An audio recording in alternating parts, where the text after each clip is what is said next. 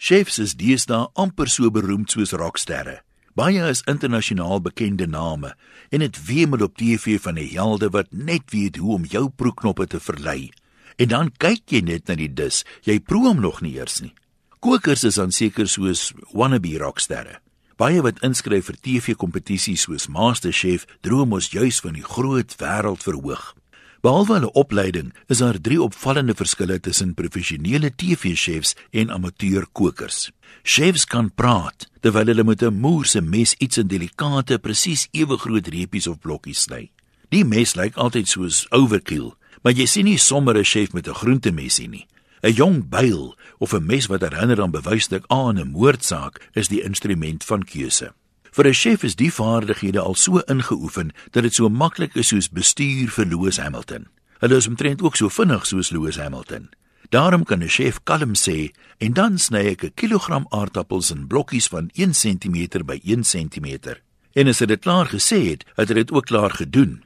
'n Koker is nog 'n bietjie soos 'n leerlingbestuurder wat moet konsentreer op elke aksie. Daarom vat dit langer en okkupeer dit meer breinselle wat dit dan moeilik maak vir enige iemand wat nie uiters begaafd is nie om nog te praat ook. Min mans kan in elk geval multitask. Omdat dit soveel langer vat, is daar dan ongemaklike stiltes terwyl die hande en die lippe weer probeer sinkroniseer. Die koker moet immers eers die aardappels opsny voor hy by die volgende stap kan kom om dit te verduidelik. Die tweede verskil is 'n interessante een. Dit maak nie saak wie die bestanddele verskaf het nie. 'n Koker vestig dadelik eiendomsreg daarop. Jy kan maar luister. Dan vat ek my eiers en ek klits dit in by my meel. Hier en daar is daar wel 'n koker wat effens minder besitlik is. Dan vat jy jou eiers en klits dit in by jou meel. Maar synde iemand wat maar kleinserig is in 'n kombuis, verkies ek die eerste manier van praat. Die derde verskil is dat chefs groter dink. Hulle sal sê, dan sit jy dit voor saam met 'n lekker koue witwyn en groen slaai. Die koker probeer nog om sy poging onbenullig te laat klink. Net ingeval dit dalk nie lekker is nie. Iemand wat jou ornament of wynglas gebreek het, doen mos dieselfde. Hulle praat ook mos altyd in verklein woordjies. Oeps, ek is jammer maar ek het 'n ongelukkie gehad met jou kristalglas. Net so sal kokers eerder sê jy moet die gereg bedien saam met 'n groen slaaitjie en 'n koue wit wyntjie.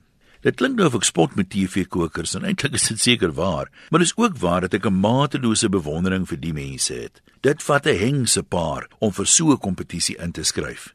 'n Minuut is dikwels die verskil tussen rou hoender en sappige hoender.